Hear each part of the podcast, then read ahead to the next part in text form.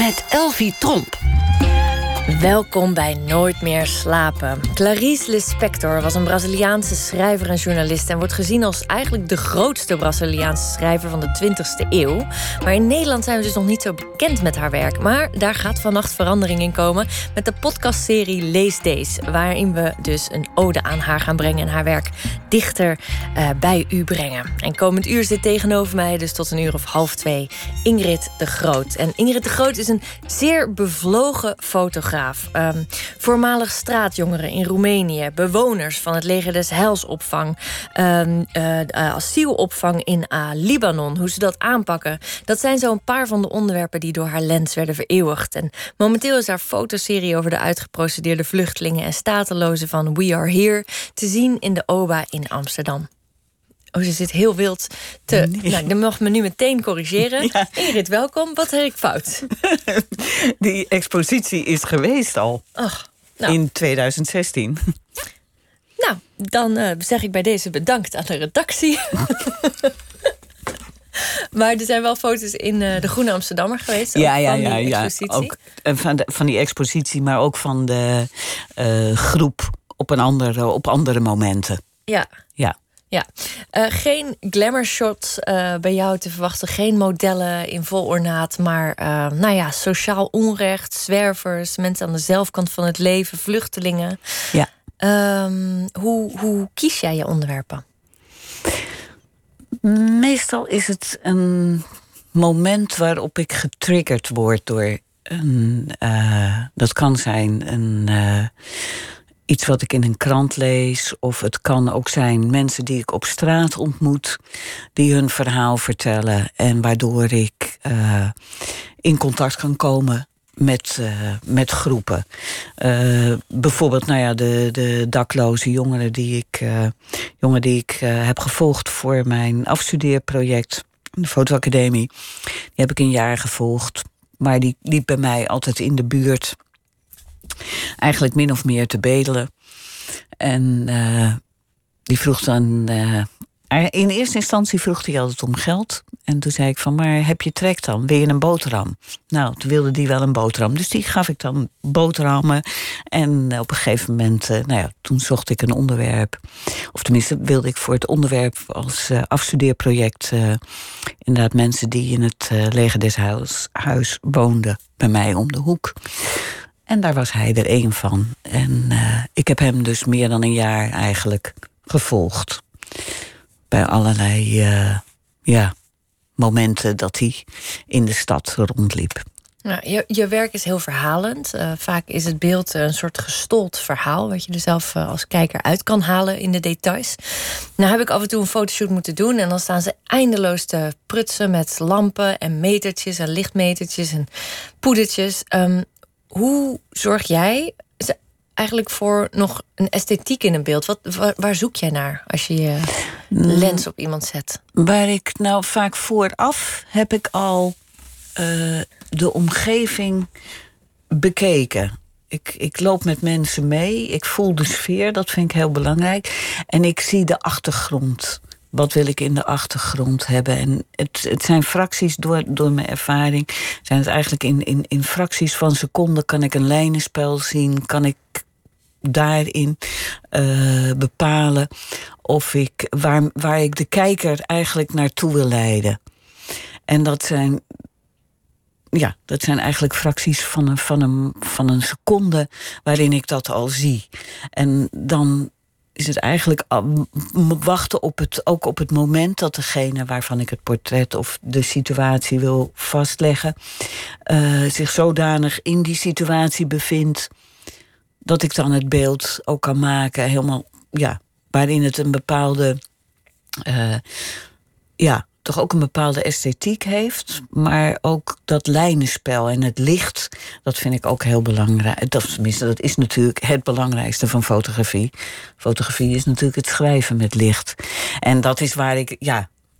Het zijn allemaal van die dingen die dan in mijn hoofd als een soort. Uh, hoe dat zeggen? een, een, een soort pingpongbal die heen en weer gaat, alle kanten in mijn hoofd op. Maar daar zijn al die elementen uh, pak ik daaruit op. het klinkt alsof dit dan in een, in een paar seconden gebeurt, die hoofd. Al die pingpongballen. Het gebeurt allemaal in een paar seconden. Dat, dat zie ik. Ik zie het licht dan. Uh, ik, ja, ik, ik, het licht wat verandert. Een wolk voor de zon. Ja, dat zijn allemaal van die dingen die je dan eigenlijk heel snel al uh, door je ervaring heel snel uh, ziet en voelt. Waardoor je ook de sfeer kan bepalen in je, in je beeld. Het klinkt wel omdat je juist ook met mensen uh, werkt die niet per se getraind zijn als model, dus vaak ook camera-schuwe mensen misschien wel, uh, alsof het enorm veel tijd kost om daar uh, een band mee op te bouwen. Wat je zegt over deze jongen dat je hem eerst een tijd lang boterhammen, boterhammen gaf voordat het zover was. Ja. Um, dat lijkt me best een pittige investering. Dat is het ook. En dat is het, maar dat vind ik heel belangrijk om voor, om, om de mensen het vertrouwd te laten worden met mij en met die camera.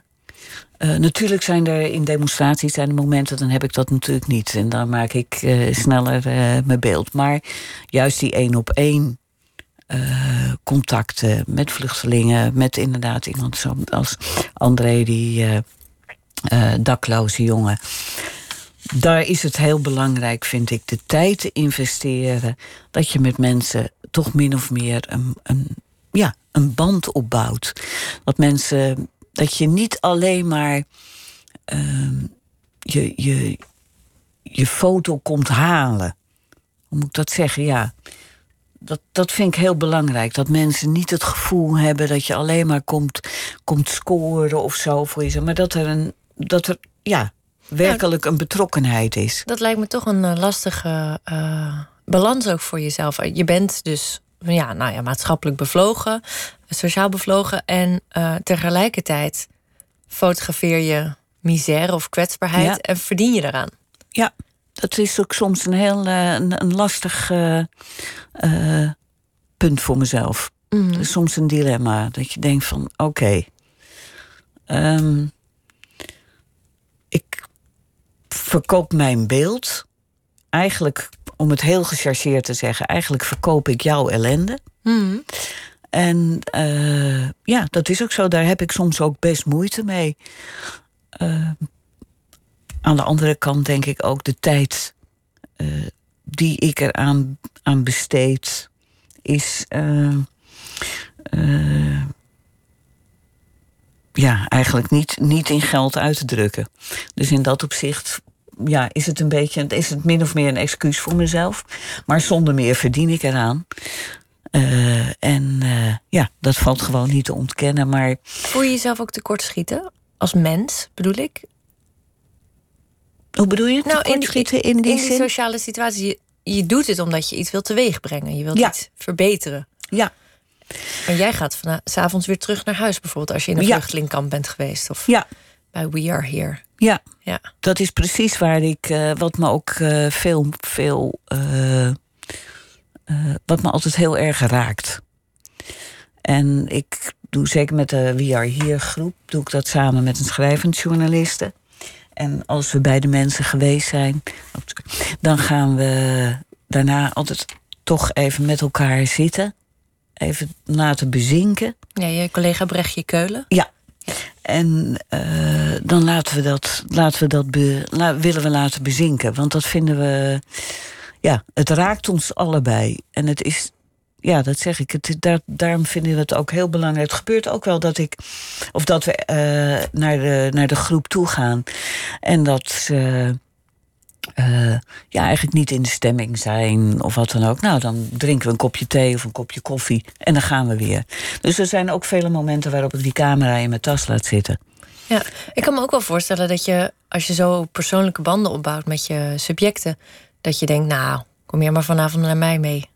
Kun je lekker een bad? Nee, want dat in, daarin ben ik wel, dat, dat, daar maak ik wel de scheidslijn. Toch wel? Ja, ja. Ik ga niet want dan uh, raak ik mijn, uh, mijn journalistieke kijk eigenlijk raak ik kwijt. Dan word ik te veel uh, dan raak ik te veel betrokken. Ik merk het bijvoorbeeld, nou ja, wij, wij, ik bedoel, als ik foto's van mijn uh, kleinkinderen of van mijn kinderen maak, uh, dat maak ik op een hele andere manier dan wanneer ik inderdaad met, met vluchtelingen aan het werk ben. Dan Hoe verschilt dat, toch, dat dan?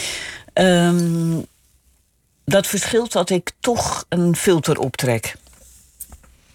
Dat is ook de reden waarom ik, als ik terugkom van uh, bijvoorbeeld van het buitenland met name, maar ook van de We Are Here groep, dat ik tijd nodig heb. En dat kan soms een dag zijn, maar dat kan soms ook wel drie weken duren. Om tot mezelf te komen, of tenminste om, om, om het te laten bezinken. En uh, ja, ik kan dat niet. Uh, ik, ik trek een soort beschermingsfilter op. Dat weet ik van, uh, van mezelf dat ik dat doe, ja. Ja, dat lijkt me best ook wel een veilig mechanisme. Je komt toch in situaties waar je hoop onrecht te, tegemoet komt... of ja, waar je niks aan kan veranderen. En waar je inderdaad de machteloosheid voelt. En dat is, dat is het vaak, die machteloosheid die je voelt. Dat je wil, je zou het willen veranderen. Je zou willen dat je de, ja, dat je dat kon bewerkstelligen. Ja, je bent een van de schrijvers of een van de fotografen die ook af en toe schrijft. Uh, op je blog is hier een mooi voorbeeld van, ja. van een man die je op straat ontmoet en die zit heel maniacaal aan zijn voeten te krabben en aan zijn benen. Ja. In februari koud, heeft geen schoenen aan. Je Ja. vraagt aan hem letterlijk: wat kan ik doen? En hij zegt niks. Ja. Hij wil niks zeggen, hij wil Hij- geen contact met je. Nee. Nee, dat was een heel eh, aangrijpend. eh, eh, ja, ook een aangrijp. Ja, zo zijn er vele van die aangrijpende momenten. Maar de, de macht, ook dan weer, die machteloosheid die, die ik voel dan van. En ik werk niet met telelenses, ik werk altijd met korte objectieven. Dat mensen zien dat ik de foto maak. Ik vraag ook altijd of mensen toestemming geven voor publicatie. Ik laat mensen niet allerlei papieren ondertekenen, maar ik vraag het wel. En ik zet ook in mijn file-info altijd erbij bij de instructies dat het beeld gebruikt mag worden in de context van het verhaal en niet met een negatieve connotatie. Maar hoe, deed hij, hoe, hoe heb je dan toestemming gevraagd aan deze? Nou ja, je ziet op de Nou, foto dat de man is met psychische problemen. Ja, nou ja, en, en hij sprak niet echt duidelijk Nederlands. Nee. Nederlands. Dus hoe doe je Eh, dat dan? Nou, dat, is, dat, is, ja, dat gaat met gebaren. Ik bedoel, inmiddels ben ik dat wel gewend. Dat je, eh, je kijkt mensen aan. Ik wijs op mijn camera. eh, en ja, als mensen het niet willen, dan doe ik dat ook niet. Dan, dan, mensen maken overal in de wereld maken mensen hetzelfde gebaar. Dat ze niet op een foto willen. Of mensen wenden hun hoofd af, houden hun handen voor hun hoofd. Dan weet je dat iemand niet op de foto wil. Ja. Is je camera misschien ook de manier om, eh, net dat setje en een reden om contact te maken met die kwetsbare groepen? Ehm, heel veel mensen die, ja, die zien zo'n man en die zijn er bang voor, of die lopen er met een boog omheen. Ik zelf, eh, ja, misschien ook wel. Ja, het is ook inderdaad voor mij ook. Ja, het is ook mijn. eh, eh, ja, mijn manier om contact te leggen. Ja. Om juist te vragen aan de persoon. Maar het gebeurt ook inderdaad dat ik wel mijn camera, dat ik mensen, mensen ja, zie en eh, dat ik die camera wel om mijn nek heb hangen, maar opzij hou. En alleen maar een praatje maak met de mensen. Ja. Niet, ik ben niet altijd alleen maar bezig met dat beeld. Het gaat mij ook om de mens zelf die daar dan in die straat vertoeft. En zeker in Amsterdam zie je momenteel eh, toch meer mensen op straat die eh, eh, ja, heel erg in hun, eigen, in hun eigen wereld zitten. Bijna geen contact maken met hun omgeving. Toch meer de, ja, Je woont in Amsterdam, Ja. dus die eh, straten ken je goed. Eh, Ja. Je maakt ook eh, z- omzwerving in de stad, beeldzwerven, zoals Ja. je dat noemt. Ehm, de- denk je dat dat met de geestelijke gezondheidszorg te maken heeft? Want wat je nu bespreekt, dat zijn niet per se de mensen die junkies zijn. Of nee. Als je zegt in de eigen wereld, denk ik meteen aan schizofrenen. Of, Ja, ja. ik denk dat het zeker te maken heeft met, eh, met eh, de, ja, de zorg die is afgenomen. Mensen die toch eh, ja, meer eerder niet de weg weten te vinden dan voorheen. Ik denk dat dat wel degelijk uh, van invloed is. Ja. Nou, er is ook flink op bezuinigd. Dus ja. ik denk dat je daar het directe gevolg van ziet. Die um, maatschappelijke betrokkenheid, misschien ook met deze kwetsbare groep. Um, voordat je fotografie deed, uh, was je apothekersassistent. Ja. Um, was dat toen ook al aanwezig in je leven? Hm.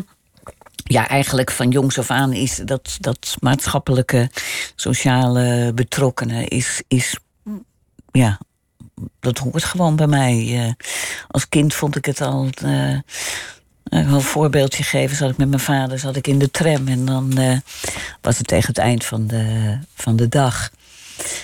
Beetje de schemertijd en het moment. En dan zag ik een, een, man alleen buiten lopen of zo. Nou, daar kon ik helemaal verdrietig van worden. En dan zei ik tegen mijn vader: Pap, wat zielig, die meneer loopt alleen buiten. Nou ja, dat is een beetje wat ik ja, eigenlijk altijd als kind ook al uh, had. Van, nou, dat, ja.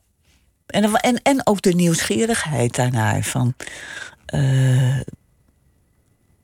kijken naar, naar huizen. Bij ieder lichtje wat je ziet branden gaat mijn fantasie op de loop van wat zou er allemaal achter dat raam gebeuren? Zouden die mensen gelukkig zijn? Of zou er net iemand dood zijn? Of nou ja, dat, dat soort dingen, dat heb ik altijd al uh, in me gehad. Dus dat is eigenlijk ook, ja, het sociale, het, het, het betrokkenen. Werd dat van huis uit ook gevoed? Of zeiden ze nou, Ingrid, uh, laat die man met rust, loop even door? Nee, dat werd van huis uit ook ja, gevoed wel. In de zin van dat, dat mijn moeder was ook heel. En mijn vader ook. Zijn allebei, allebei. Mijn moeder is inmiddels al 15 jaar overleden. Maar mijn vader nog is nog uh, uh, heel ja, sociaal betrokken ook. Dat, uh, dat heb ik van huis uit meegekregen. Ja. Hoe, hoe uitte zich dat? met name ook in, in politiek, in uh, socialistische partijen, actief zijn, betrokken zijn bij mensen die het minder hebben. Ja. ja. Je bent geboren in Amsterdam en daarna ben je ehm, verder opgegroeid in het Nieuw-Vennep. In ja. Nieuw-Vennep. Maar... ja. ja, ik ben... Mijn, toen ik tien was, ben ik uit de, verhuisd naar Nieuw-Vennep. Mijn vader werkte in de tijd bij Bols. En Bols ging naar Nieuw-Vennep toe. En toen gingen wij mee. En dat vond ik als kind verschrikkelijk. Hmm. Ik kreeg daar last van benauwdheid in de polder. Sorry, ik noem dat, nu, nu weet ik dat het waarschijnlijk psychosomatische klachten geweest is. Maar ik werd daar gewoon, ik vond dat helemaal niet leuk. Uiteindelijk. het eigenlijk hele schone lucht is. Ja, maar uiteindelijk. Ja. weet je, dan wen je daar en dan ben je als kind, ja, je groeit toch verder op in de stad. En maar ik was heel blij dat ik in Badhoevedorp naar de middelbare school ging. En dan kon ik, kon ik meteen door naar, uh, naar Amsterdam. Want dan had je in de tijd met een stamkaart. Kon je met de bus door naar uh, Amsterdam. Die dus benauwdheid, heb je die nog wel eens? Nee, nooit. Daarom zeg ik, voor mij gewoon een soort psychosomatisch gebeuren geweest. Nee. nee. Ben je zelf ook op act, uh, politiek actief geweest? Ja. Uh, ook linkspartijen en veel in uh, comité's ook actief geweest. En, El Salvador-comité. Uh, actief geweest bij demonstraties tegen de neutronenbom, tegen de oorlog in Vietnam. Ja, dus in, dat eigenlijk altijd uh, heel actief geweest. Ja, die camera die kwam pas later in je leven eigenlijk uh, echt professioneel ja. ten tonele. Je deed het al eerder als autodidact en voor lokale kranten. Um, nee, voor lokale kranten heb ik alleen. Ik heb voor een lokale krant heb ik geschreven ben okay. ik regiocorrespondent geweest. Voor anderhalf jaar uh, heeft dat toen bestaan. Ja, en rond je veertigste ben je uiteindelijk naar de fotoacademie gegaan. Ja. Wat deed je besluiten om uiteindelijk nog die opleiding te doen? Uh, toe aan een nieuwe carrière. En uh, bijkomend de demonstraties die ik, waar ik veel in meeliep. Op een gegeven moment dacht van ik wil meer doen dan alleen maar op een demonstratie aanwezig zijn. En op welke manier kan je wat bereiken? Nou, dat is of in de journalistiek schrijven, of door beeld. En dat is eigenlijk de reden dat ik de, foto, de, de fotoacademie ben gaan doen, ja. Wat zou je willen bereiken met je fotografie? Nou, ik zou het mooi vinden als al is het maar één iemand die naar mijn beeld heeft gekeken, die iets anders kijkt naar, naar de vluchtelingen met name. Dat vind ik wel een heel belangrijk issue. Of hoe de maatschappij in elkaar zit. Soms heb ik een beeld, ja, dat mensen net dat je, dat je dat ik ook aan de hand van die foto kan vertellen. En dat mensen misschien net even een andere, andere visie krijgen. Gebeurt dus- dat ook bij jouzelf? Dat jij door het fotograferen of door het meemaken van ervaring, dat je eigen blik ook kantelt? Mm, nou, dat. Nou moet ik. Nee, niet, niet in die zin ik probeer namelijk altijd al heel open ergens in te gaan. Zonder vooroordeel stap ik erin. Dus ik laat me verrassen op alle momenten. En dus het is niet zo dat ik. Ja, ik krijg wel meer informatie. Dat zonder meer. Ik krijg meer achtergrondinformatie. Dus in die zin wordt mijn blik eigenlijk alleen maar verruimd. Wat is de grootste misconceptie momenteel over, nou ja, uh, asielzoekers? Dat is wel een van je grootste onderwerpen. Ja, nou wat ik denk is dat, dat mensen nu dat het heel sterk de neiging krijgt, de etiket krijgt van dat het economische vluchtelingen zijn. En dat wordt dan uh, als een soort vies woord benoemd. Het zijn economische vluchtelingen, met andere woorden. Als je economische vluchteling bent, dan uh, ben je eigenlijk geen vluchteling. Terwijl ik dat dan weer vertaal naar wat dan met de Nederlanders die allemaal gingen emigreren naar Australië, Canada, et cetera, et cetera, om beter economisch bestaan te krijgen. Dat vonden we niet raar. En nu, omdat mensen uit Afrika komen, vinden we het ineens wel raar. Nou, dat zijn dingen die kan ik niet zo plaatsen. Dus vandaar. En dat, ja, ik denk dat dat, want je hoort het argument wat je toch vaak hoort, is mensen, ja, nee, als het. Uh, als oorlog is, nee, dan snappen we het wel. Maar uh, ja, als ze komen om hier uh, te werken, dan. Uh, nou ja. Ja, terwijl zelf wil niemand in Nederland de asperges steken. Precies. Ja, dus, het barst van de vacature. Dus dan denk ik van jongens, vraag de mensen die hier zijn al uh, om die uh, banen te vervullen. Ja. Je bent onlangs weer in Libanon geweest. Ja. Je maakt langlopende projecten die uh, meerdere jaren ook dezelfde plekken weer haalt of dezelfde mensen volgt. En uh, Libanon is daar één van. Uh, Ze hebben ook veel vluchtelingen uit Syrië gekregen. Kun je de situatie daar een beetje schetsen? Hoe was het er toen je het voor het eerst kwam? Eerst was het er in 2003, geloof ik? Nee, 2006. 2006 en nu in 2017 en ben ik ben teruggegaan. In, ja, 2008 ben ik ook teruggegaan. Dat is, dat is misschien, kan ik het beter over die situatie, want dat is heel direct gerelateerd aan elkaar. 2000, uh, eh, de laatste keer, november, ben ik gegaan om te kijken hoe het met de Syrische vluchtelingen daar is. Omdat ik uh, stukken had gelezen van uh, hoe moeilijk het daar de, de situatie in Beirut zelf is met de vluchtelingen. In 2006 ben ik geweest na de tien dagen nadat de 32-daagse oorlog daar was afgelopen. Toen ben ik met een, van, een Libanese man en zijn vrouw, die gingen ook weer terug. Die hebben jarenlang hadden in uh, Nederland gewoond. Maar die gingen weer terug naar Libanon. En daar ben ik mee teruggegaan. En toen hebben we, uh, konden we helemaal tot in het zuiden van Libanon komen. En daar zagen we de kinderen de, de, van de scouting, die waren daar de weg aan het uh, vegen. Uh, van, de, van het puin wat er lag. En de, wat ik me heel goed herinner is dat ik bij Beirut binnenkwam rijden en dat je gewoon de. Ja, ik volgens mij was het zwaveldampen van, van de bombardementen nog rook. Uh, de, de, de afgebrande uh, gebouwen, dat, dat rook je daar gewoon nog. En ik ben daar in 2008 ben ik teruggegaan omdat ik weer naar die zuidelijke grens wilde gaan. En dat, uh, dat, dat lukte niet meer. Ik ben wel een stuk het zuiden ingegaan, maar ik kon niet helemaal tot aan de Israëlische grens meer komen. Omdat waar ik in 2006. is? Of? Nou, omdat toen de boel beter gecontroleerd uh, was. In 2008 was alles natuurlijk weer enigszins gestabiliseerd. En toen kon ik niet meer terug, want ik had graag in diezelfde plekken weer het beeldmateriaal gemaakt. En gekeken hoe het daar met de mensen was.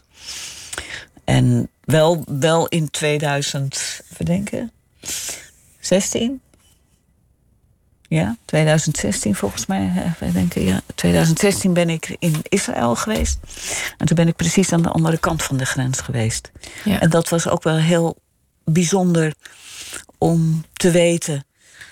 Nu aan de Israëlische kant te staan en te weten hoe het er in 2006 aan de andere kant uitzag. Want hoe is het nu gesteld met uh, de Syrische vluchtelingen in Libanon? Nou, de, wat ik hoorde van, de, van mijn contacten in uh, Beirut is dat veel Syrische vluchtelingen um, toch de lager opgeleide zijn die in Libanon blijven, in de regio worden opgevangen. En dat geeft toch problemen. Wat voor problemen moet ik dan uh, bedenken? Ja, werk, huisvesting. Alle, ja, en ze zitten in de uh, kampen Shabra en Shatila. En die, dat zijn al kampen Palestijnen die overvol zijn. Het zijn er bijna een soort nieuwe dorpen, hè? Ja. Steden. Ja. Met ook een eigen bestuur. Dat is, dat is nou, Shabra en Shatila is inderdaad, dat zijn, ja, dat, dat is een eigen, eigen, ja, een soort enclave-achtige iets uh, in, die, in die steden. En dat is heel, uh, heel dicht op elkaar allemaal. Dat is echt een hele, ja, heel, heel benauwend eigenlijk. Dus in die zin niet iets waar wij um, iets van kunnen leren of te kunnen zeggen, nou dit.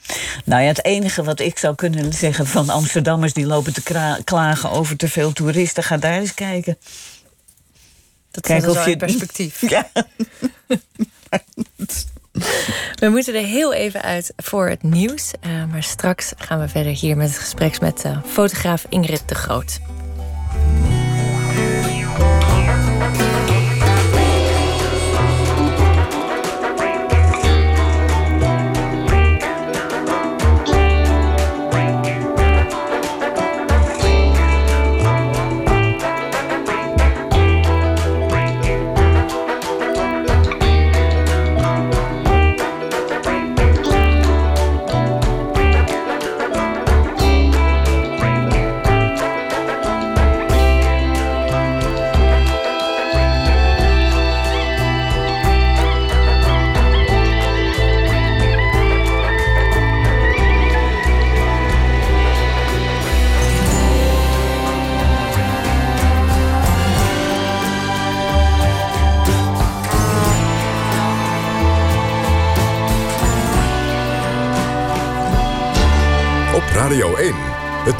Van alle kanten.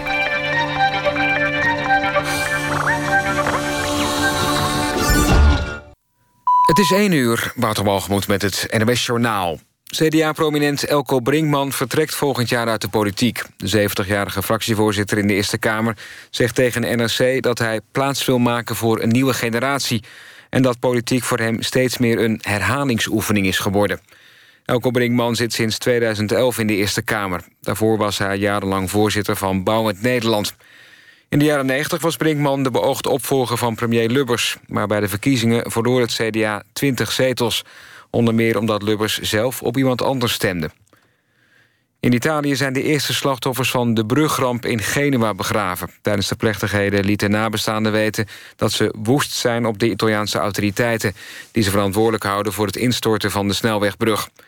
Komende dag is een dag van nationale rouw in Italië. Van een aantal slachtoffers wordt afscheid genomen met een staatsbegrafenis.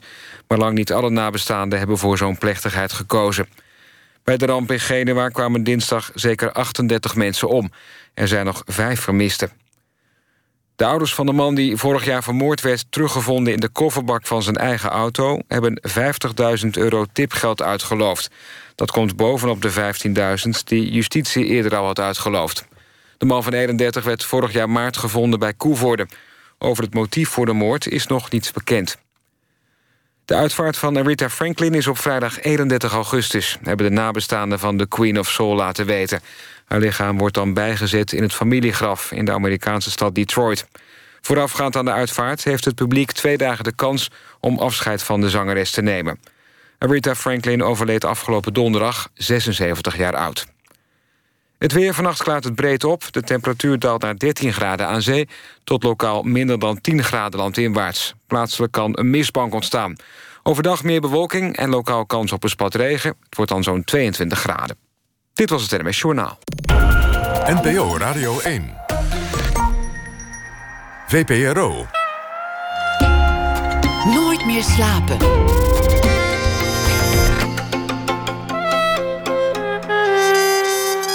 Met Elvie Tromp. Welkom terug bij Nooit meer slapen. En tegenover mij zit nog steeds fotograaf Ingrid de Groot. En voor het nieuws hebben we het onder meer gehad over nou ja, haar sociale bevlogenheid. Hoe ze uh, lang werkt aan het vertrouwen, de vertrouwensband tussen haar en haar uh, fotosubjecten. Dat zijn vaak mensen die in kwetsbare posities, vluchtelingen, uh, zwervers, mensen aan de zelfkant van het leven. En um, ook haar reizen, onder andere naar Libanon. om te kijken hoe het daar gaat met de Syrië, Syrische vluchtelingen die daar worden opgevangen. nou, daar word je ook niet al te vrolijk van. Uh, maar je kiest ook uh, persoonlijke onderwerpen. Zo heb je een fotoserie gemaakt over de chemokuren van je moeder. Ja. En haar uh, traject. Um, zou je daar iets over willen vertellen? Ja. Ik heb um, de. Mijn moeder kreeg een chemo, de chemokuur. Ze had al langer kanker. Maar ze kreeg toen op een gegeven moment. in plaats van de orale chemo's, moest, zou ze ook bestraald uh, gaan worden. Nou had ze dat in het verleden al eerder gehad. Maar in dit geval wilde ik haar. Uh, ze ging ook behoorlijk achteruit.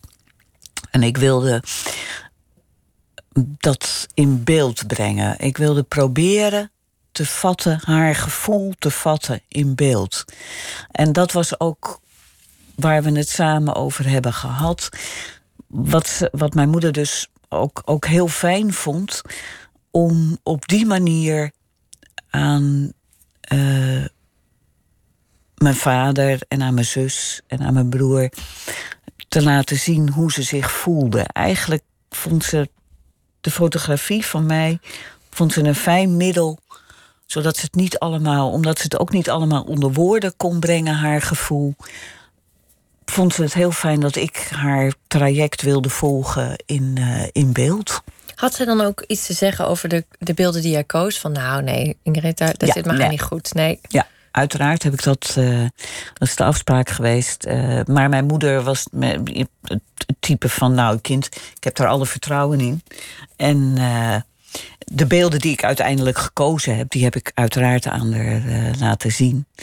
En gevraagd of ze daar geen bezwaar tegen had. Nou, dat had ze niet.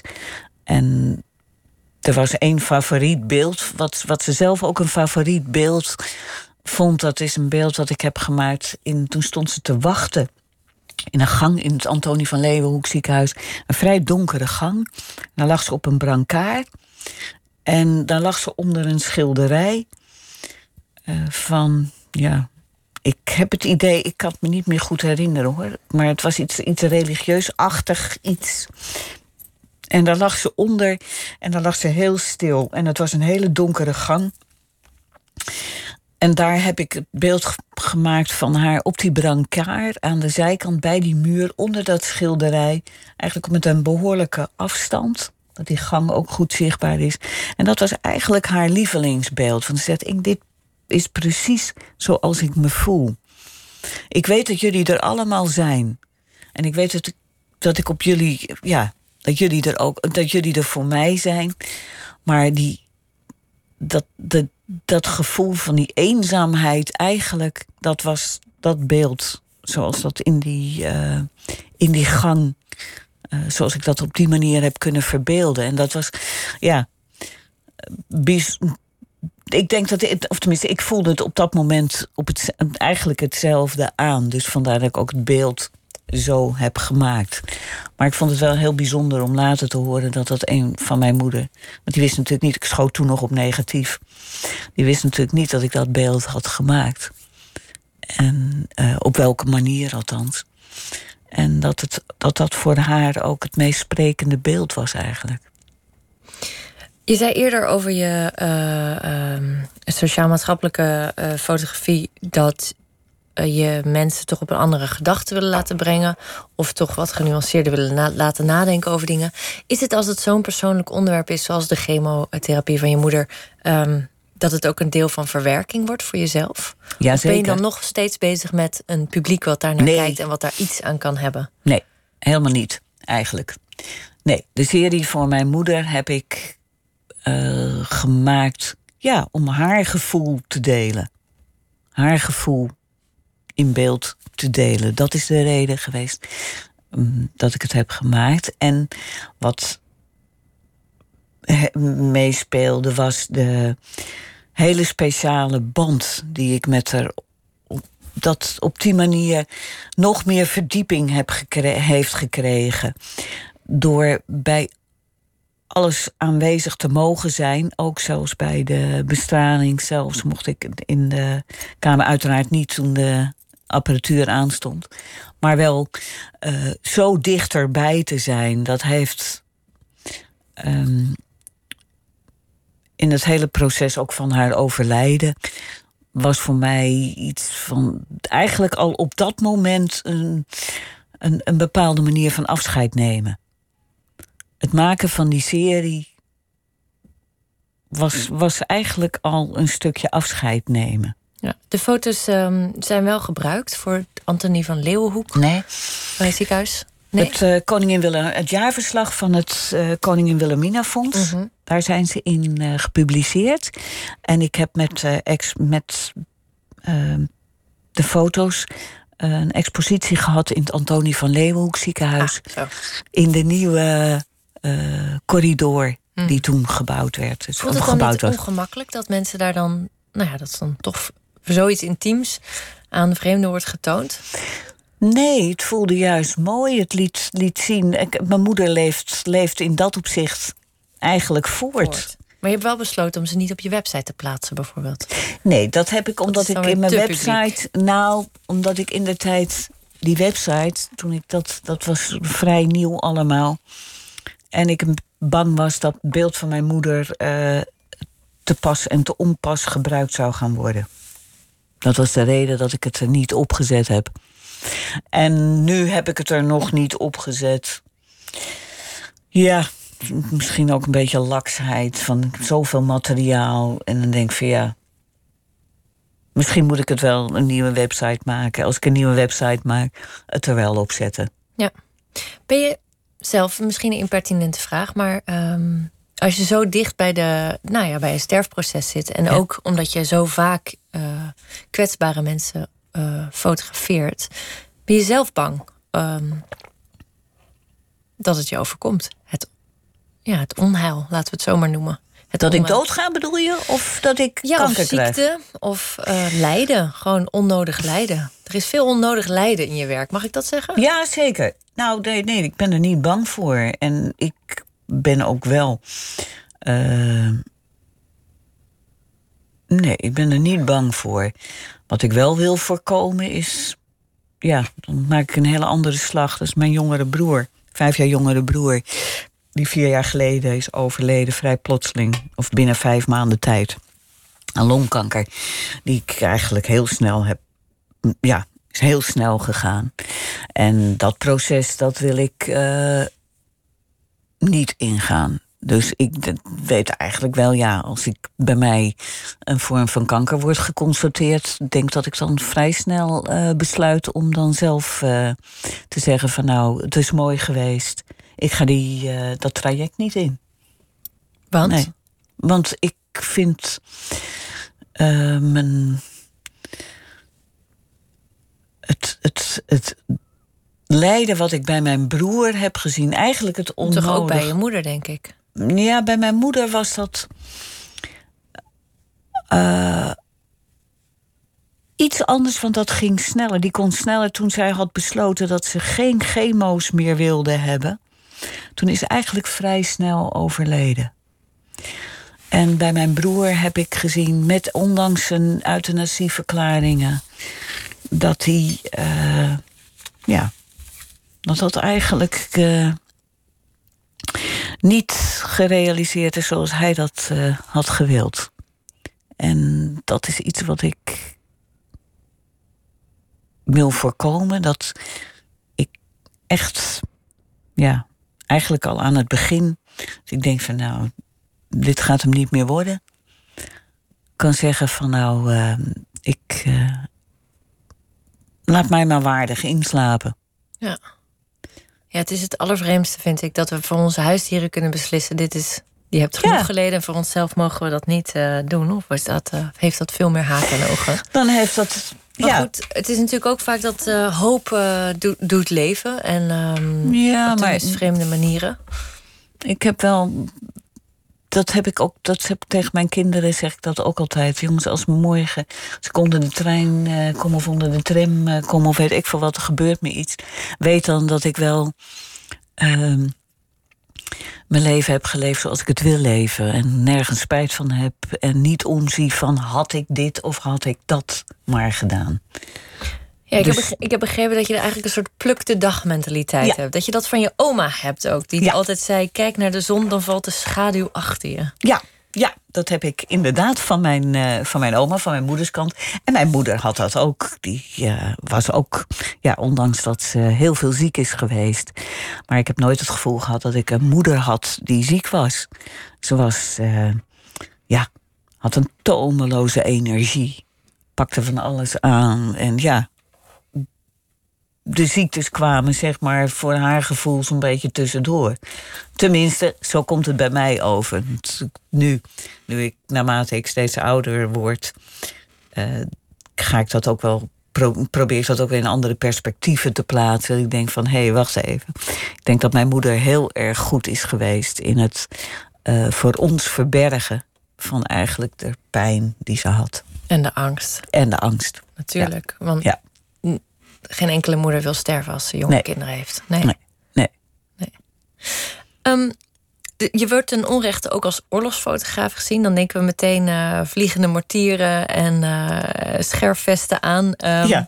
Maar dat is bij jou absoluut niet aan de hand. Je pakt het anders aan. Ja. Uh, je gaat juist niet naar de frontlinie. Nee. Maar juist naar eigenlijk, nou ja, wat erachter ligt. Ja. De wasteland. Zo ben je in Irak geweest in 2002 en in 2013. Ja. Hoe, waarom kies je voor de, eigenlijk deze aanpak?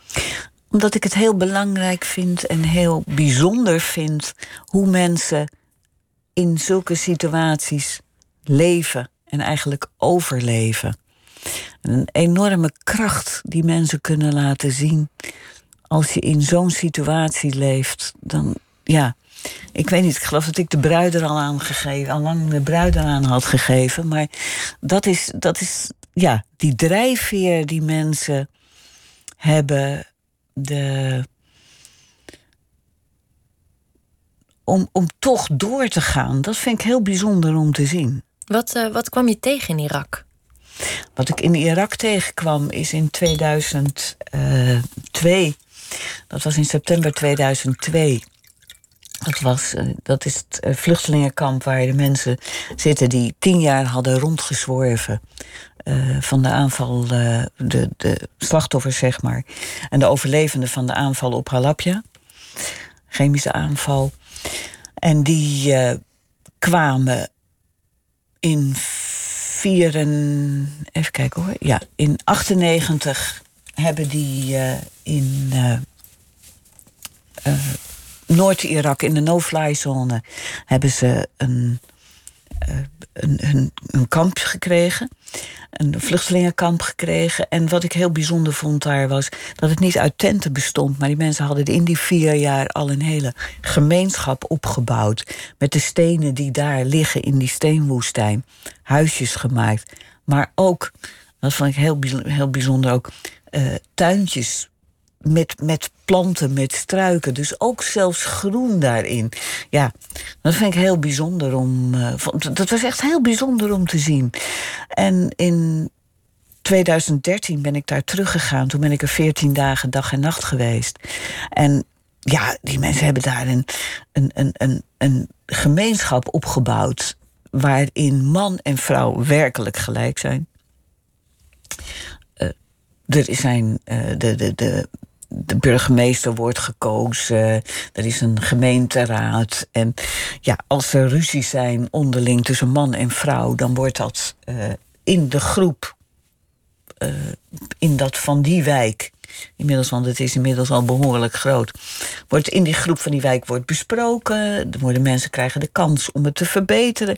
Het is een heel, heel bijzonder. Uh... Het is een soort gemeenschapszin die voor ons heel vreemd in de oren klinkt. Ja, maar ik denk wel dat we er heel veel van kunnen leren. Want ik denk dat we veel meer geneigd zijn om mensen aan hun lot over te laten. In plaats van ons werkelijk betrokken te voelen bij de uh, mensen die dat nodig hebben. Is dat ook een grote kritiek die je hebt eigenlijk op de Nederlandse maatschappij? Ja, ik vind dat we veel te veel ons afwenden. Ja, ik denk dat dit soort nou ja, zo'n zo samenlevingsverband zoals je hebt gezien in Irak, zou uh, uh, het onnodige lijden van We Are Here bijvoorbeeld uh, opheffen. Zullen we het daar even over hebben? Ja. Je volgt ze sinds 2013 samen met journalist Brechtje Keulen. Ja. Um, het is een actiegroep van stateloze asielzoekers die of uitgeprocedeerd zijn of ergens vast komen te zitten. Um, wat, wat, hoe kwamen ze bij jou op je pad? Nou, dat was eigenlijk, uh, hoe kwamen ze op mijn pad even? Ja, ze wonen in je stad ja, natuurlijk. Ik woon in de stad. Ja, nou, ik ben, in Amsterdam. Eigenlijk is het, uh, ben naar Ter Apel gegaan, dus het was al in 2012. Was toen het uh, tentenkamp van de asielzoekers buiten het AZC. Daar ben ik als eerste heen gegaan en toen heb ik contact gelegd. En toen hoorde ik van uh, mensen later dat ze op de Notweg uh, de groep naar de Notweg was gegaan. En daar zich eigenlijk verenigd hebben tot de groep We Are Here. En die groep is naar de. Daar is toen de Jozefkerk, later de, de Vluchtkerk genoemd, in Amsterdam voor gekraakt. En daar is die groep uh, heen Grote gegaan. groep, bijna 200 man, geloof Ja. ik. Als ik Ja. in mijn hoofd zoiets. Volgens mij waren het in de tijd in de. Het begon met een 130, 150 man, zo'n beetje. Ja. De, de groep in de Jozefkerk, in de Vluchtkerk. Ja, het, het bijzondere eraan vind ik ook dat we nu zoveel jaar verder zijn. En eh, We zijn inmiddels vijf jaar verder eigenlijk. Het kreeg veel media-aandacht, maar ja, de jubileum, zeg maar, als we het zo mogen noemen, Ja. van vijf jaar ging eigenlijk geruisloos voorbij. ja is op de, er, is, er is wel een demonstratie geweest, maar er is eigenlijk niet veel aandacht aangeschonken. En ja, van die hele groep, ze hebben toch wel, ik mee nu, hang, hang me niet op aan het cijfer, maar eh, iets van 103 mensen wel hun status gekregen. Ja, dat geeft toch een beetje te denken. Als je eerst zegt dat die mensen allemaal geen papieren kunnen krijgen en eh, ja, eigenlijk weer terug moeten. En dan nu wel 103 mensen wel hun papieren hebben gekregen van die groep. Ja, Is het dan toch, eh, ook al zegt de politiek dat ze heel streng zijn en eh, hard optreden, dat, dat het protest zin heeft gehad? Zou je dat kunnen zeggen? Zou dit... Nou, in de zin dat het protest zin heeft gehad. Ik denk dat het voor de mensen wat, wat meer. Als het, zeker plekken waar ze langer bij elkaar kunnen zijn. Dat mensen wat meer rust krijgen. Want, maar goed, dat, is, dat zou nog meer moeten gebeuren. Want je ziet dat de mensen die wat er meer tot zichzelf kunnen komen en niet iedere keer worden opgejaagd. Want dat is denk ik het belangrijkste. Niet iedere keer worden opgejaagd. Als die mensen tot rust kunnen komen, dan hebben ze ook veel meer eh, de rust om hun verhaal goed te doen. Ik denk dat je, dat je ja, als je vlucht, dat je, dat je je bent voortdurend in die overlevingsmodus. Dus je, ja, je komt niet. ehm, je, als je niet tot rust komt, kan je ook niet duidelijk je verhaal vertellen. En ik denk dat dat pro- het probleem is bij een heleboel eh, ongedocumenteerden. Plus natuurlijk de problemen in het eigen land. Dat ze de papieren niet krijgen. Dat ze niet her- erkend worden. Of, ja, Of zijn- terug moeten naar een onstabiel land. Ja. Nou ja, het, is, het heeft natuurlijk wel effect gehad. Het heeft een bed, bad en broodregeling. Komt eigenlijk voort uit de We Are Here eh, protesten. ja, Ehm, maar het heeft ook een grimmige kant. Omdat eh, toch een, grote groep inderdaad... Nou ja, mensen die niet tot rust komen. Psychische problemen, labiele mensen. eh, er zijn doden gevallen, gevechten uitgebroken. Ook onderling. ja. Denk je dat het een soort zinkend schip is dat aan zichzelf ten onder gaat? Dat eigenlijk begon als een soort sterke vuist? Of ben je toch Nou, hoopvoller? ik, ik, ik hoop dat inderdaad de groep bij elkaar blijft. En dat inderdaad, zoals nu gebeurt, dat er toch wat meer eh, verschillende groepen gaan ontstaan. Dat die ook weer veel meer bij elkaar gaan komen. En zich daardoor, eh, sterk, of daardoor sterker maken. Ik denk dat dat heel belangrijk is. Ja. Ja. Daar heb ik wel. Ik, ik, hoop, ik hoop erop. Dat mensen echt weer meer bij elkaar eh, eh, zullen zijn. Maar dat ze ook de gelegenheid krijgen om met elkaar eh, te zijn. Dat ze niet van plek naar plek, want dat is natuurlijk ook, ze worden ook. ja, Maar goed, je volgt ze nu vijf jaar. Hoe- Ja. realistisch is dit beeld? Ben je hoopvol? Of denk ik, het lijkt me zo moeilijk om niet cynisch te worden. Nou, Ik, nou, dat is sowieso. Dat is, dat, daar moet ik altijd voor waken. Maar ik. ik die, ik hoop het, laat ik het zo zeggen. Ik hoop het. Maar ik kan niet in de toekomst kijken. En ik vrees dat er steeds strenger wordt omgegaan met mensen, met vluchtelingen. Dat vrees ik eigenlijk. Ondanks het groene en linkse eh, beleid in Amsterdam. En Femke. Ja, dat, dat, is, dat is niet. Maar ik denk eigenlijk meer on general. De, de, ik denk niet dat het zo zit. Kijk, ze zitten voor vier jaar. Dus ja, dat is in, in, het is in wezen natuurlijk maar een hele korte periode. Ja. Je doet ook aan beeldzwerven, zoals je dat noemt. Je gaat Ja. met de camera op de Bonnefoy de straat op eh, in Amsterdam. En eh, ik moest meteen eh, denken aan een andere fotograaf die dat deed, Ed van der Elske. Ja, dat is een van mijn grote voorbeelden. Oh ja? Ja, Oh, ja. wat grappig. net als Peter Martens. Dus ook allebei, eh, ja, de manier van werken spreekt me aan. En het fijne vind ik, nou ja, inderdaad, het beeldzwerven is voor mij de straat op gaan zonder voor bedacht plan. Ik loop gewoon de straat op, eigenlijk met de ogen van een kind kijk ik. Ik probeer ook iedere keer me te laten verrassen in de stad. Van, goh, hé, hey, een kleine dingetjes. Er er zijn, ja, tegenwoordig heb je natuurlijk heel veel van die eh, leuke. Niet iedereen vindt het leuk trouwens.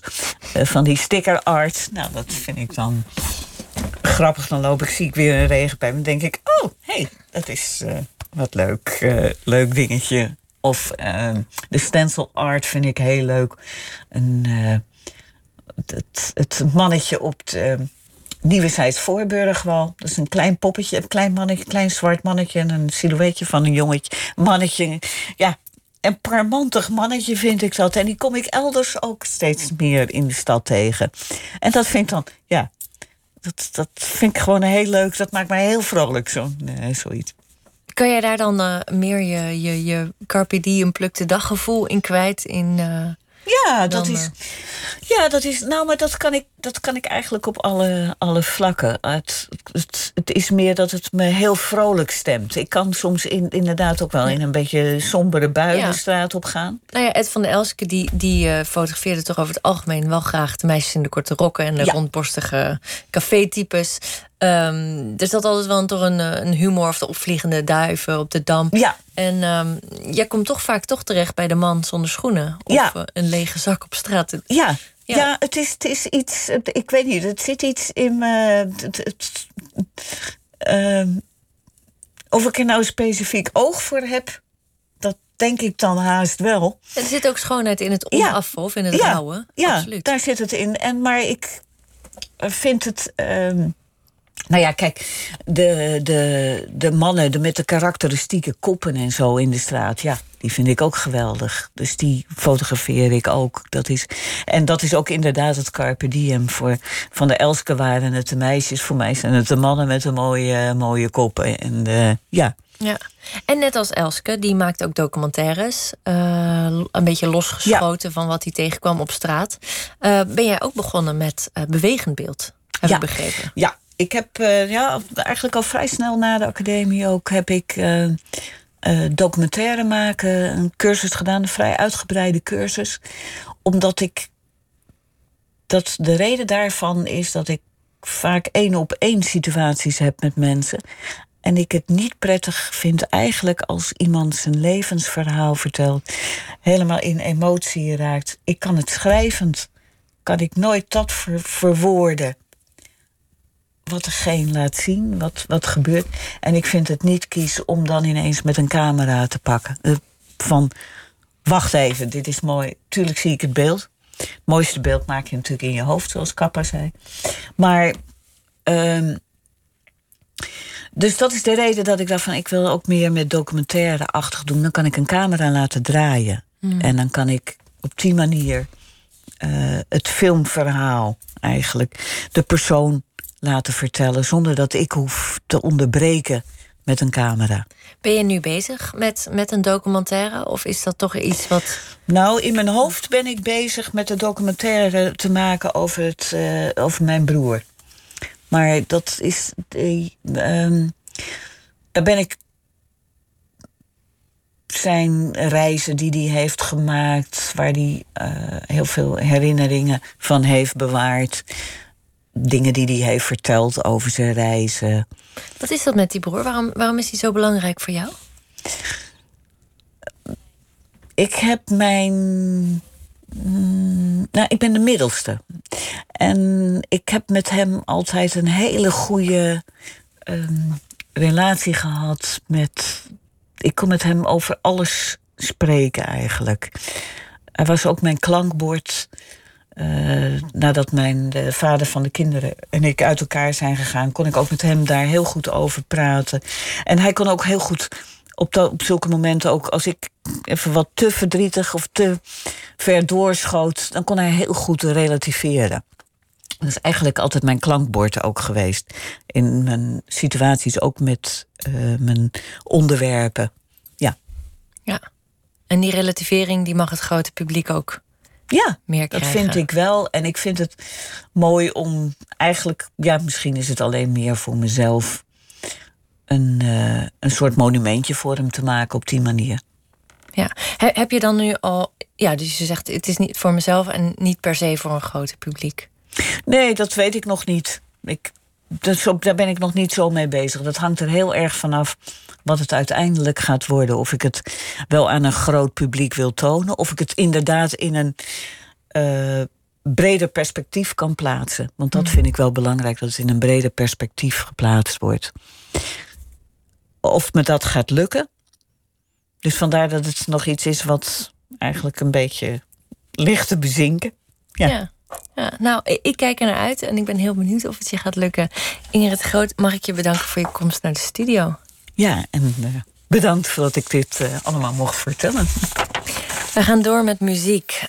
Thank You for Today. Dat is de titel van het negende album van het Amerikaanse trio Death Cab for Cutie. Dat deze maand is verschenen. En hiervan luisteren we naar het nummer Autumn Love.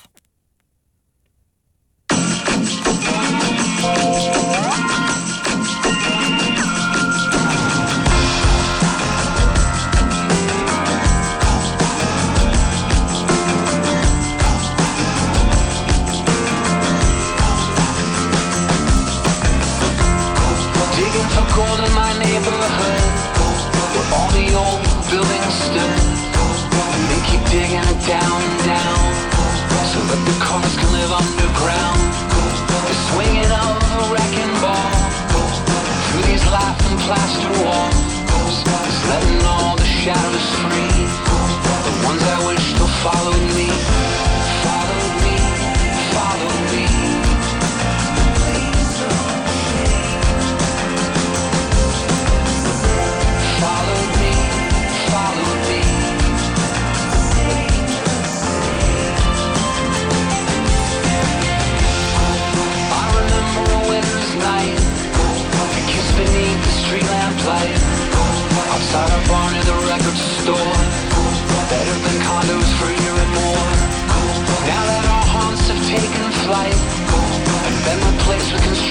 Oh, how I feel like a stranger here, searching for something that's disappeared. Digging for gold in my neighborhood, for what they say is the good. But all I see is a long goodbye, requiem for a. It seems I never stop losing you, every something new, and all our ghosts get swept away. It didn't used to away.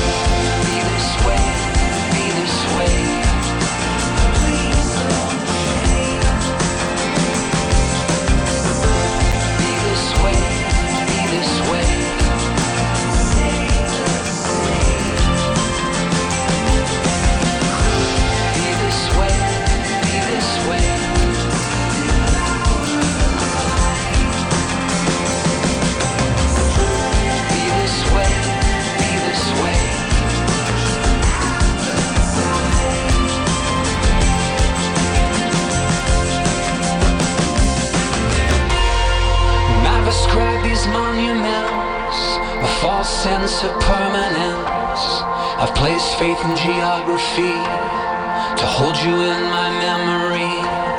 I'm sifting through these wreckage piles, through the rubble of bricks and wires, looking for something I'll never find, looking for something I'll never find.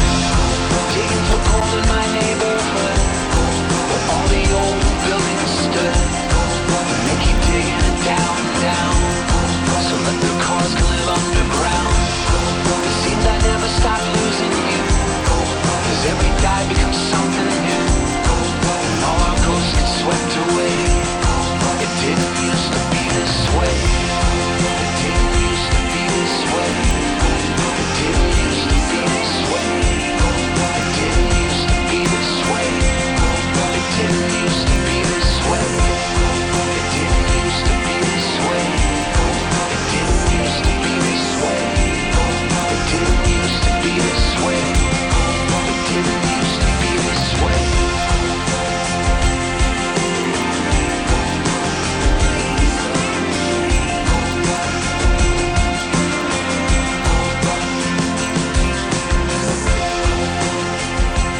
Ja, u hoorde het natuurlijk al aan, eh, aan de songtekst. Dat was niet Autumn Love, maar Gold Rush van Death Cab for Cutie.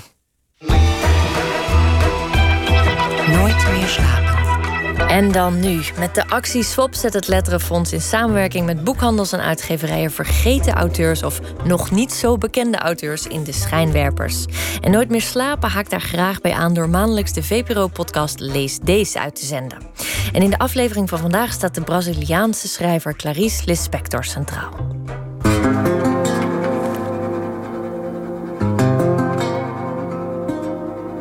Aan eventuele lezers. Dit boek is als ieder ander boek. Maar ik zou blij zijn als het alleen zou worden gelezen door mensen met een volwassen ziel. Degene die weten dat je alles, wat dan ook, stapsgewijs en moeizaam benadert. Waarbij je ook door het tegendeel van wat je wilt heen moet. Die mensen, en alleen zij, zullen heel langzaam begrijpen dat dit boek niemand iets afpakt. Mijzelf bijvoorbeeld heeft het personage GH heel geleidelijk een vreugde bezorgd, die ongemakkelijk was, maar wel vreugde heet. De wonderlijke opening van de roman De Passie volgens G.H. Geschreven door de Braziliaanse schrijfster Clarice Lispector. Die leefde van 1920 tot 1977. Hoezo zou een roman lezers iets afpakken? En wat dan wel? Waarom heeft het genoemde personage alleen initialen? Wie is GH? In het universum van Clarice Lispector worden vragen opgeworpen. Niet voor niets kreeg de biografie van de schrijfster, gemaakt door Benjamin Moser, als titel Why This World? Waarom deze wereld? Ja, dat is een goede vraag, vind ik. ik heb daar geen antwoord op. Benjamin Moser mag dan een Amerikaan zijn. Hij is columnist van de New York Times Book Review. Hij spreekt ook Nederlands, omdat hij al jaren deels in Utrecht woont. Waarom deze wereld is de vraag die zij eh, als meisje heeft gevraagd. Waarom zijn we hier eigenlijk? Wat doen we hier? Hoe is de wereld? Wat is de wereld? Waarom deze wereld? En dat zijn heel basisvragen die gesteld worden, denk ik, door juist adolescenten, tieners.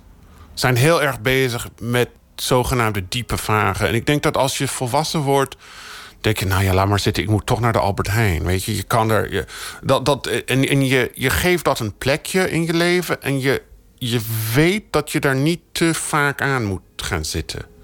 Want dat is eng, het is gevaarlijk. Clarice heeft die vragen door het hele leven van een grote kunstenares doorgevoerd. Ze was altijd bezig met die vragen.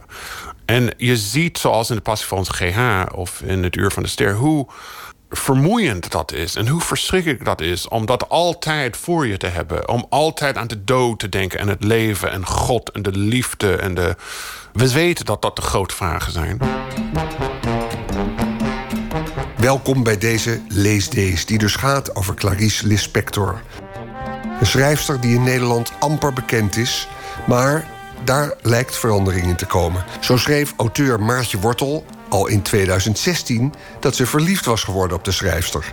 Wat was dat dan? Ja, dat vind ik heel, heel moeilijk uit te leggen, omdat het normaal lees je bijvoorbeeld een boek en dan weet je precies dit is goed hierom en hierom, of dit raakt me aan het verhaal. En dat weet ik bij Clarice Lispector niet. Ik weet eigenlijk nooit precies waarom ik het zo goed vind. En juist daarom vind ik het zo goed, omdat het wel. Het gaat helemaal niet bijna om wat zij maakt, maar ze is op een heel rare manier aanwezig in haar werk. En dan niet op een dominante manier dat ik de schrijver de hele tijd hoor of of kijk eens wat ik kan. Maar meer is er een groot mysterie of zo voel ik als ik haar werk lees. En dat heb ik echt bijna nooit. Dat het is iets bijna mystieks of zo, iets, iets groters dan wat je leest of wat je tot je krijgt. Dus er gebeurt iets met de energie. Wat echt super vaag klinkt, maar dat is wel hoe ik het ervaar.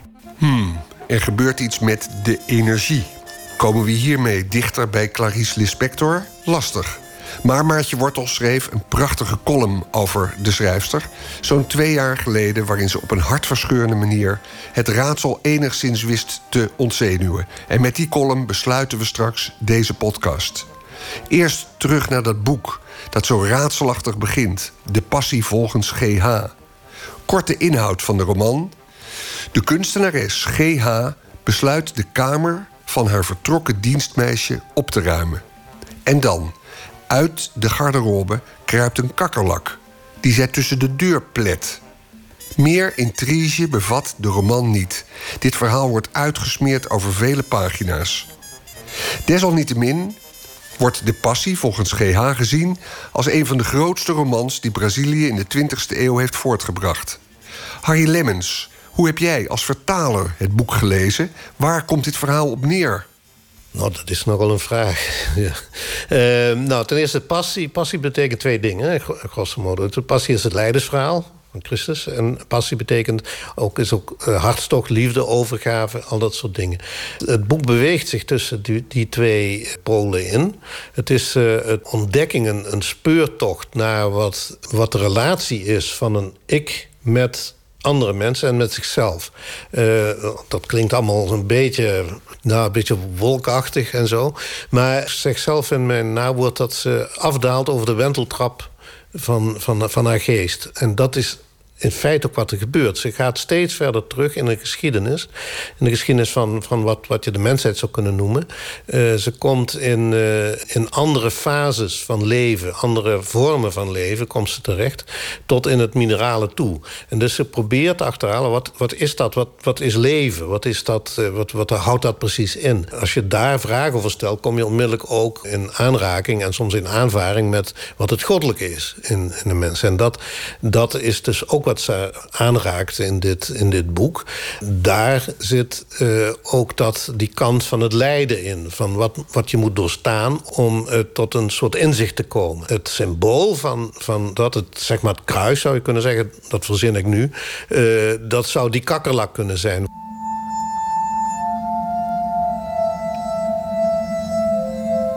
Ik keek wantrouwig rond. Er zat dus een kakkerlak in de kamer. Of zaten er meer? Waar? Achter de koffers misschien? Eén, twee, hoeveel? Achter de roerloze stilte van de koffers was het misschien helemaal donker van de kakkerlakken. Doodstil op elkaar, hele lage kakkerlakken, waardoor ik ineens moest denken aan wat ik als kind een keer had ontdekt toen ik de matras waarop ik sliep optilde. Het donker van honderden en nog eens honderden op elkaar gestapelde bedwansen. Die armoe van mij als kind met wansen, kakkerlakken en ratten was, nu ik eraan terugdacht, als een prehistorisch verleden. Ik had al samengeleefd met de eerste dieren op aarde. Eén kakkerlak? Een hele hoop? Maar hoeveel dan? vroeg ik me nijdig af. Ik liet mijn blik door de kale kamer gaan. Geen geluid. Geen enkel teken. Maar hoeveel? Geen geluid. En toch hoorde ik een nadrukkelijke resonantie. De nagalm van de stilte die langs de stilte streek. Vijandigheid had bezit van me genomen. Het is meer dan niet houden van kakkerlakken. Ik wil ze niet hebben. Bovendien zijn ze de miniatuuruitgave van een enorm dier.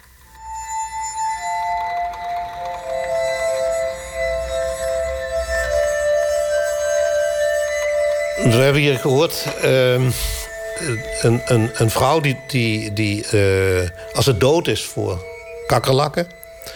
dat die kakkerlakken, dat is ook iets van, van uh, autobiografisch. Omdat ze, ze, uh, wordt bijna geobsedeerd door kakkerlakken. Dus in, in haar chronieken, de ontdekking van de wereld... schrijft ze een paar keer over kakkerlakken. Ze heeft bijvoorbeeld een, een manier ontdekt om ze de dood in te jagen het, is, het staat bijna symbool voor, wat, wat, voor alles wat vies of onrein is. Waar ze ook in de passie volgens GH op uitkomt op een bepaald moment. Hè, welke dieren onrein zijn. En, en, dat is dan weer een duidelijke verwijzing naar de Bijbel, naar de Joodse traditie. Van welke dieren je moet afblijven en welke dieren je moet mijden enzovoort.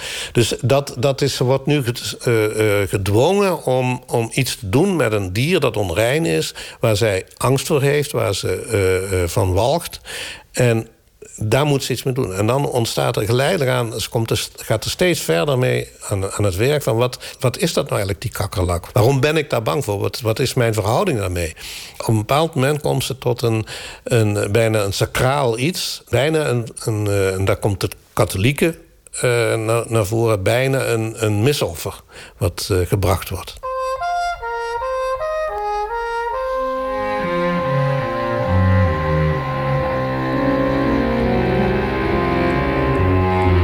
Joodse achtergrond, een misoffer dat gebracht wordt. Clarice Lispector blijft raadselachtig. Wie biograaf Benjamin Moser spreekt, wordt overladen met superlatieven. Clarice is meesterlijk. Ook hij raakte bijna verliefd op haar werk. Ze is even groot als Frans Kafka. En eigenlijk kan haar werk zich meten met de grootste kunstenaars van de wereld. Denk aan Nabokov of Rembrandt.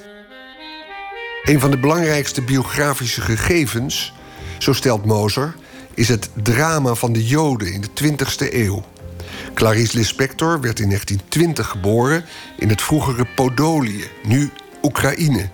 Het jonge gezin liep daar groot gevaar als gevolg van antisemitisme, wat ze uiteindelijk als vluchtelingen in Brazilië bracht. Benjamin Moser. Het drama van de Joden in de 20e eeuw. Want zij kwamen bijvoorbeeld uit uh, West-Oekraïne.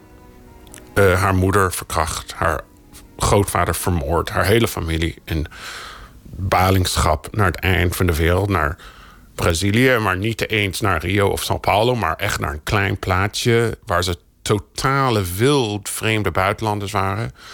Uh, en dat drama van wat je met dat verleden doet, dat is een drama dat ook in Amsterdam speelt of in uh, Chicago speelt. En dat is wel heel interessant. Maar ja, mijn uh, vaders familie waren Duitse Joodse vluchtelingen die in de Verenigde Staten zijn terechtgekomen. Dus ik heb dat zelf niet meegemaakt, gelukkig. Maar ik snap die mentaliteit van die mensen. De Joodse mensen die geïmigreerd zijn uh, of die ontsnapt zijn uit de Holocaust. Dat is een verleden dat ik begrijp. Ik ken die mensen, ik heb ze allemaal gekend. Dus als ik haar geschiedenis ken en zij heeft het zelf niet meegemaakt, omdat ze echt pas geboren was. Maar ze groeide op met mensen met dezelfde complexen en dezelfde neurose, uh, die bij mij ook in huis hingen. Dus wat dat betreft uh, Maar ik ben in een totaal ander land opgegroeid. Ik ben in de Verenigde Staten opgegroeid. En ik ben in de jaren 80 opgegroeid en is in de jaren 20 opgegroeid in Brazilië. Dus tot daar en toe is het niet hetzelfde. Maar uh, toch zijn er dingen die ik heel erg in haar herken. Inzoomend op dat boek De Passie volgens GH. Wie GH is, komen we niet te weten. Dat wonderlijke verhaal van een kunstenares die een kakkerlak beziet, daar angst voor heeft ontwikkeld. Jij hebt het eerder genoemd een vorm van atheïstische religie. Wat bedoelde je daarmee? Ja, dat heb ik dus ook, nu we in Nederland zijn, kan ik dat zeggen. Dat heb ik ook een beetje aan Spinoza ontleend. Want dat is een boek, eh, één vertaling van Spinoza had Clarice zelf ontdekt toen ze een jaar of twintig was. En ik heb het in haar bibliotheek teruggevonden met hartstikke hevige onderstrepen en sterretjes en al. Je ziet dat dat haar echt raakte. Ook een verhaal van Joodse balingschap trouwens, Spinoza. Uh, dat was het idee dat God niet iemand of iets is, maar dat God de wereld is. Dat zegt Spinoza en dat herhaalt Clarice steeds in haar boeken, tot het allerlaatste boek, het, Uur van de Ster. Dat God die energie is die de wereld in beweging heeft gebracht. En dat God hetzelfde is in de ingewanden van de kakkerlak als uh, in mijn eigen bloed en botten. Dat is iets wat totaal geen naam heeft. Daarom heeft GH ook geen echte naam. Uh, dat is een beestachtige, onverklaarbare, uh, onnoembare energie die de wereld uh, is. Het heeft de wereld niet geschapen. Uh, het is gewoon dat gevoel of dat ding wat de wereld verbindt. En dat is heel eng, want wij zijn ook onze kleding en we zijn onze namen en we zijn ons kapsel en we zijn ons baantje en onze positie in, de, in het gezin of in de samenleving. Dat, dat is een heel enorm groot deel van wie wij zijn. En als dat allemaal wegvalt, zoals in het geval van GH, is dat ongelooflijk eng en, en, en afschuwelijk. Maar het is ook de manier om jezelf te verenigen met wat je eigenlijk bent. Want je eigenlijk, als je mij openmaakt met een zwaard of zo, nou, je vindt geen ziel. Je vindt niks behalve bloed en een soort enge dingetjes waar ik nu, diegene die met jou spreekt, ik heb daar echt geen verstand van wat dat allemaal aan het doen is. Het is allemaal dingen, mijn organen zijn bezig en mijn aderen doen allemaal dingen. Ik heb er totaal geen verstand van. Maar toch is dat wat ik ben. En het is heel eng om jezelf zo te, te, te, te, te formuleren. Maar het is ook een ongelooflijk boek. Omdat het laat zien dat dat belangrijk is, maar ook dat je eigen vormgeving belangrijk is. Je naam en je, je, je kleding en je stem en je, alles wat je menselijk maakt. Maar God voor haar is niet menselijk. God is juist gewoon die energie uh, die door de wereld zoomt, zonder dat we enig begrip van kunnen hebben. Een man heeft ooit tegen me gezegd dat er in de Talmud wordt gesproken over dingen die je niet veel mensen kunt vertellen. Andere die je een paar mensen kunt vertellen en weer andere die je niemand kunt vertellen. Ik voeg eraan toe, bepaalde dingen wil ik niet eens mezelf vertellen. Ik heb het gevoel dat ik een paar waarheden weet, maar ik weet niet of ik die geestelijk kan begrijpen. En ik moet nog wat rijper worden om dichter bij die waarheden te komen die ik al wel aanvoel. Maar waarheden hebben geen woorden. Waarheden of de waarheid? Nee, denkt u nu niet dat ik over God ga praten. Dat is een geheim van mij. Het wereldbeeld dat zij schept, is dat zwartgallig? Ja, dat is het leuke van haar. Totaal niet. Het is hartstikke leuk. Het is doodeng. En het is echt. Je kan het niet. Je kan de hele dag niet mee zitten. Maar het is ook hilarisch en het is zwart en grappig. Maar op de manier die uh, Kafka dat ook is. Want er zijn die verhalen van Kafka dat Max Brood uh, verteld had. Dat toen hij zijn stukjes in de cafés in Praag voorlas kreeg iedereen gewoon een slappe lach van. En je leest het nu niet. Maar dat is ook iets wat Clarice met Kafka verbindt. Niet alleen die kakkerlak, wat een heel een vrij obvious symbool is. Maar ook dat in die ellende of in die ellende wil ik misschien niet noemen, omdat het is gewoon zo. We gaan allemaal dood. We zijn gewoon hier even. En ja, daar kan je niks aan doen. Maar daarbinnen is er enorm veel humor. En heel veel, uh, meer dan humor, maar, maar schoonheid. Dat is wat zij naar voren brengt. Haar zus, Elisa, die ook een schrijfster was, die ook die ellende van de Oekraïne van veel dichterbij had meegemaakt, omdat ze ouder was. Die schreef ook boeken. En je ziet dat zij een beetje dezelfde wereldbeeld heeft als Clarice. Maar zij heeft dat leuke niet. Terwijl met is altijd leuk. En ze kan de gekste, verschrikkelijkste dingen zeggen. En het is gewoon geweldig. Wil Harry Lemmens hier nog wat aan toevoegen? Ik zou het bij God niet weten. Ik, ik, ik zou zeggen, nou, je moet. Kijk, ik, ik, ik vind literatuur is belangrijk. Je moet literatuur lezen, omdat literatuur dingen verwoordt die mensen, uh, die, die leven in mensen. En, uh, of op zijn minst kunnen leven in mensen. Soms ook moeten leven in mensen. En dat is, dat is de kracht van, van literatuur, van goede literatuur. En de, de goede literatuur die maakt onrustig goede literatuur die, die, die roept angst op of maakt. Uh, de, de, goede literatuur is geen feel-good literatuur. Feel-good literatuur is onzin. Daar, word je, niet goed van. Maar dat is, uh, dat even terzijde, maar dat, dat is een steeds sterkere tendens om literatuur in die hoek te gaan schuiven. Literatuur moet angst aanjagen. Moet iets teweeg brengen bij jou wat, wat je vragen laat stellen en wat je, wat je ongemakkelijk maakt, uh, aan het twijfelen brengt. Goede literatuur geeft geen, biedt geen zekerheden. Goede, goede literatuur stelt altijd vragen.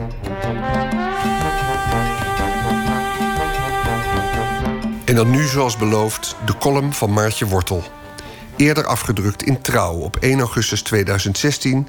vlak nadat de arbeiderspers Lispectors boek De Ontdekking van de Wereld had uitgegeven... met daarin krantenstukken. Clarice Lispector komt ter sprake aan het eind van de column. Titel... Terugtocht. Samen met een bevriende filosoof loop ik over straat. Het regent zacht, in het water ligt iets dat lijkt op een hoofdkussen... Het is een dode zwaan. Omdat ik weet dat zwanen altijd samen blijven en zelfs tijdens trektochten op elkaar wachten wanneer de ander ziek is, grijpt dit dode dier me extra aan. Zijn wederhelft moet op een gegeven moment weggezwommen of gevlogen zijn, alleen terug de wereld in. Om alleen verder te kunnen moet je in beweging blijven, zegt de filosoof. Lopen is precies het juiste tempo voor de mens. Je moet niet te hard gaan, dan wordt het vluchten. Als je het zo bekijkt, ben ik vele malen verliefd geworden op iemand bij wie ik nooit aan zou komen of, zo u wilt, waar ik nooit vandaan zou raken. We wandelen verder en praten over liefdesverdriet, hoe wonderlijk en gruwelijk de natuur in elkaar zit. Voor de meeste vormen van pijn kent het lichaam een oplossing. Het maakt adrenaline aan, verdooft zichzelf met stresshormonen, maar wanneer je verlaten wordt, kun je niets anders doen dan de pijn aanvaarden, de tijd zijn werk laten doen. Ik zal u verder niet te veel met mijn besonjes vermoeien, maar momenteel heb ik te kampen met dit verschijnsel en zal ik het gedoe inderdaad vooral geduldig uit moeten zitten, zoals velen voor mij al deden. En iedereen zegt: geloof me, ook dit is eindig. Ik weet niet meer wat ik moet geloven, maar wel dat ik voortaan verliefd zou worden op overleden personen. Dat lijkt me het handigst. Je zou het laf kunnen noemen, omdat ik de verantwoordelijkheid van zowel de pijn als de schoonheid op deze manier ontloop. Op hetzelfde moment is het wellicht ook dapper, want ik kan mijn verlangen nooit bestendigen. Ik moet het in mijn eentje vol zien te houden. Sinds enkele maanden ben ik, niet alleen dankzij mijn voornemen, het gebeurde net als bij iedere verliefdheid simpelweg gewoon, onbedaarlijk verliefd op de schrijver en columnist Clarice Lispector, een van origine Oekraïense, die vanaf jonge leeftijd in Brazilië woonachtig was. In de Journal do Brasil schreef zij columns en sinds ik deze las, de ontdekking van de wereld eh, chronieken, wil ik steeds terugkeren naar deze vrouw, naar haar woorden. Het is in vele opzichten handig dat het object van mijn affectie niet meer in leven is, want nu deel ik haar graag en makkelijk en zonder jaloezie met u. Ik wil dat u haar leert kennen, want veel heb ik niet te verliezen. Lispector schrijft over persoonlijke alledaagse dingen, maar ze raakt stevast een diepe kern. Zo schrijft ze: Begrijpen is altijd beperkt, maar niet begrijpen kan domweg geen grenzen kennen. En ook, we begrijpen zo weinig van de wereld dat ons hoofd alleen maar op basis van eindigheden kan denken. Mijn vriend en ik lopen langzaam verder, steeds verder weg van de zwaan. En ik probeer even niet aan eindigheden te denken, maar aan alles wat achter dat einde, een liefde, een leven, te vinden is. Ik gok een nieuw begin.